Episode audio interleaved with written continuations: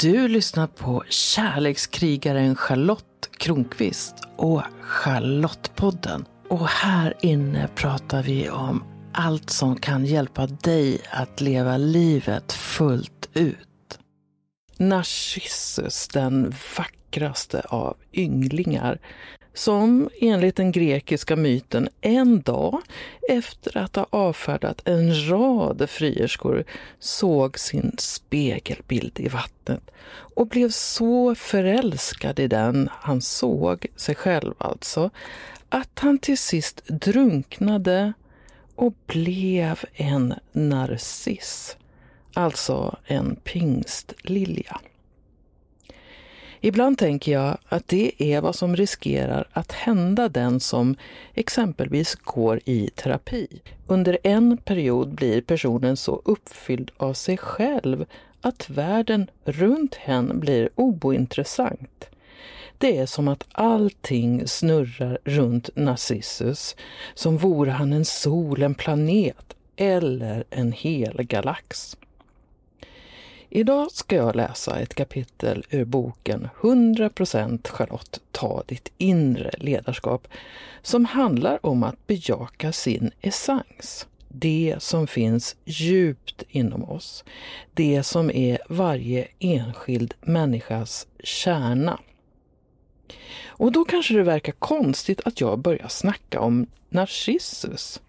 Men jag menar faktiskt att det är viktigt att kunna se på saker ur flera perspektiv samtidigt. I den tid vi lever, när det händer så mycket elände, är det viktigt att på något sätt stå rustad, också mentalt, energimässigt och kroppsligt.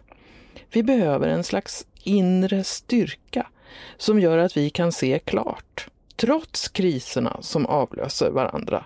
Att vi kan se något annat än det som krisar. Att vi greppar efter möjligheter som kan göra det lättare att leva på jordklotet.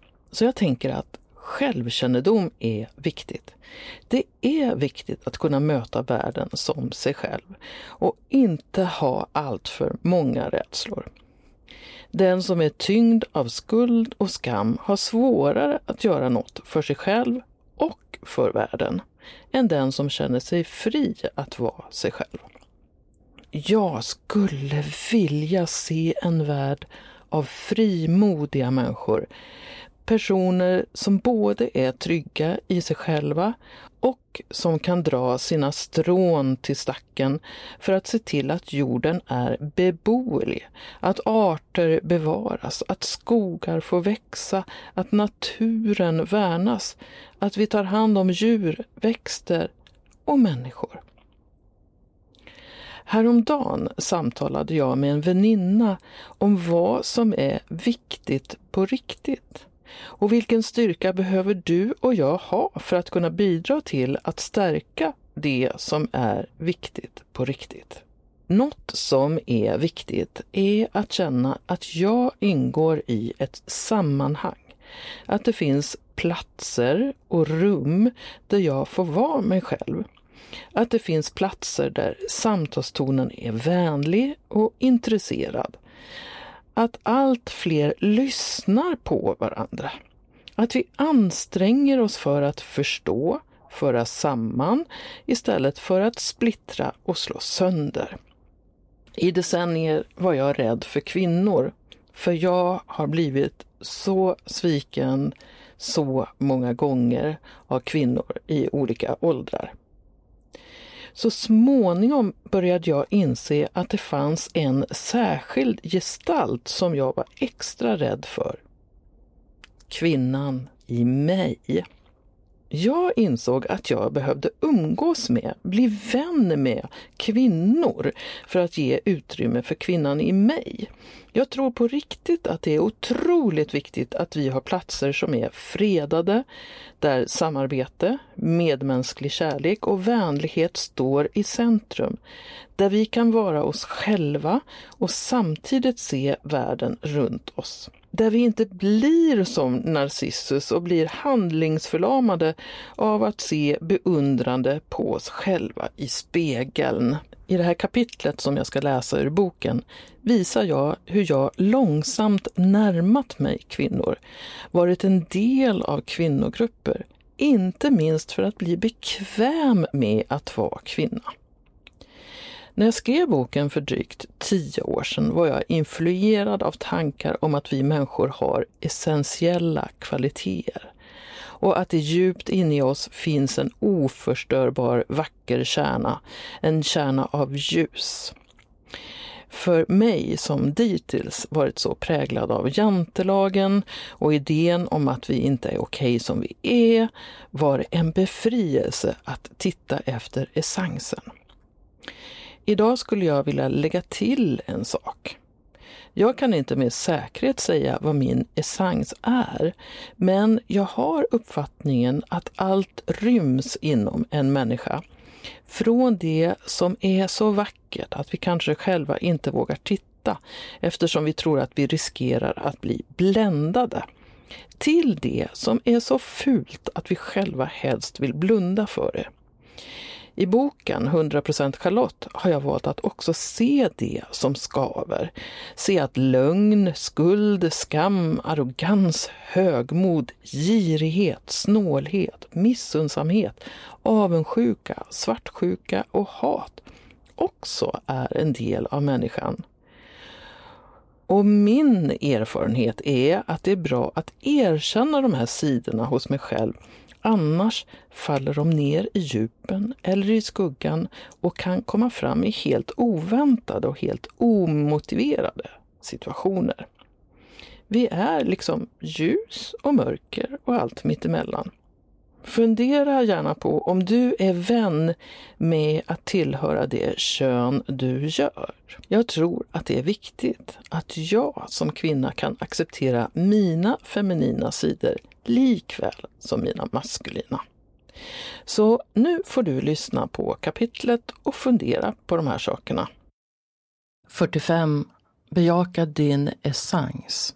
Jag är född i en kvinnokropp och har samtidigt haft dålig kontakt med mina feminina aspekter.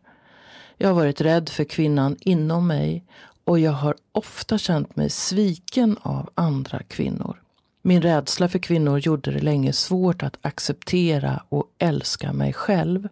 Nu bevakar jag alla aspekter av det feminina i mig och har samtidigt fått många kvinnor som vänner.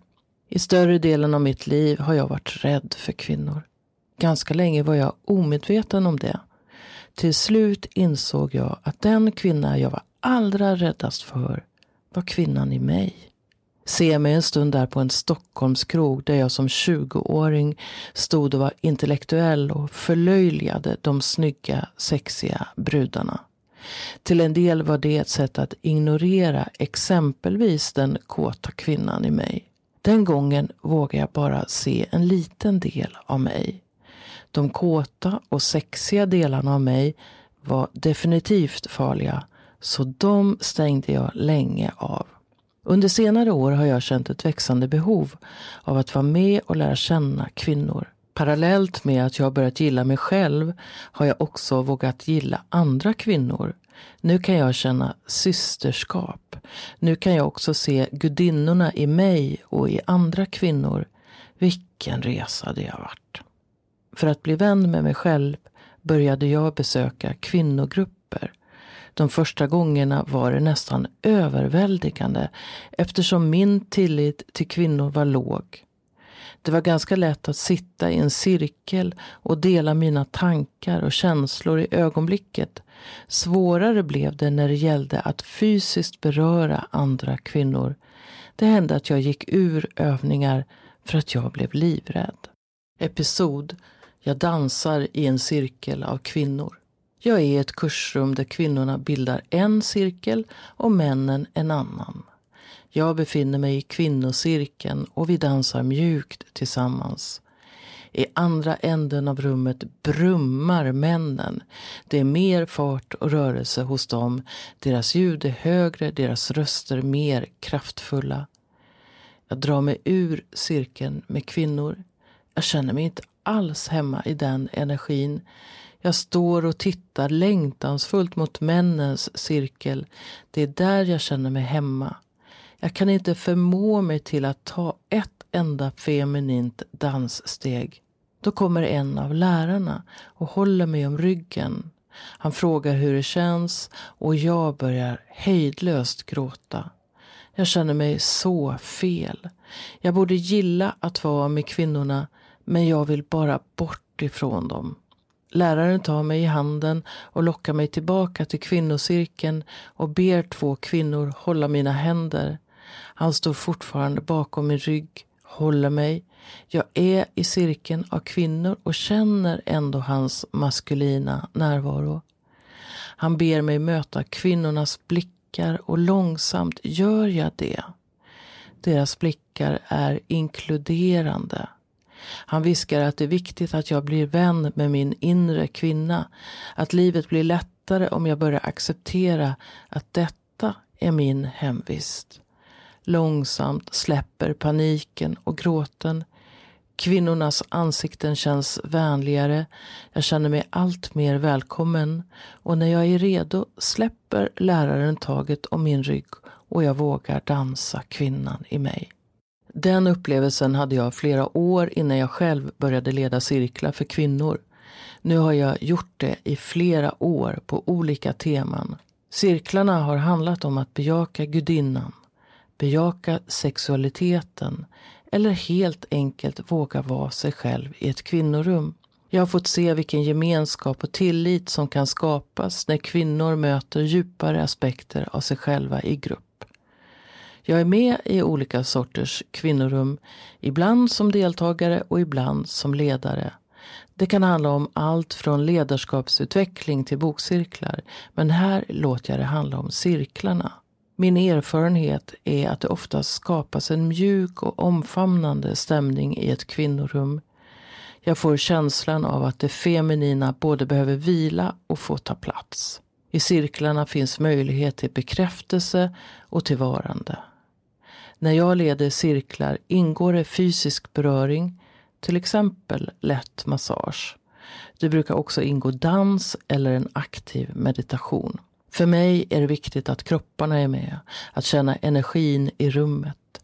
Beröringen utlöser lugnhormonet oxytocin och rörelserna hjälper till att skapa kontakt med andningen och livet i kroppen. I den stämning vi skapar tillsammans blir det lättare att komma i kontakt med mina essentiella kvaliteter. Eftersom tilliten är stor vågar jag vara med min kärleksfullhet, vara i mitt värde och min styrka. Kvinnorummen har bidragit till att jag lättare kan se andras essens, se guden eller gudinnan i dem. Essensen är svår att ta på. För mig är den mitt ursprung, det tillstånd jag föddes i. Mina essentiella aspekter är universella. Och nu när jag är i min essens känner jag att vi alla hör ihop på ett djupare plan. I min essens är jag kärleksfull, stark, lekfull, har medkänsla och är värdefull. I min essens är jag total, precis som alla andra är det i sin essens. Din läxa. Identifiera dina essentiella kvaliteter. Ja visst, du har essentiella kvaliteter. Hur ska du bejaka dem?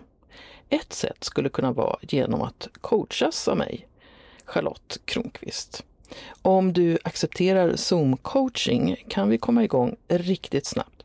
Ta kontakt vet jag. Nu närmar det sig december och julen och advent. Och den första helgen i december, alltså första adventshelgen, så ordnar jag årets sista helgkurs med lekfull tantra. Kursen körs i Stockholm lördag och söndag 2 och 3 december och det finns platser kvar. Så vill du gå tantrakurs med mig i år och inte vänta till i mars nästa år, så ta chansen. Gå in på min hemsida charlottekronqvist.org och klicka dig fram till kursen. Hoppas vi ses! Kom ihåg att prenumerera på Charlottepodden så att du är med när nya avsnitt kommer. För vem vet vad du kan få lära dig om livet i det avsnittet. Rekommendera gärna podden till en vän så är du med och sprider vetskap om att den här podden finns och berätta vad den ger just dig. Jag skulle bli så glad om du också går in i din podcast-app och lämnar en kommentar eller skriver en recension av podden. Ju fler som gillar podden öppet, desto fler kommer också att hitta den.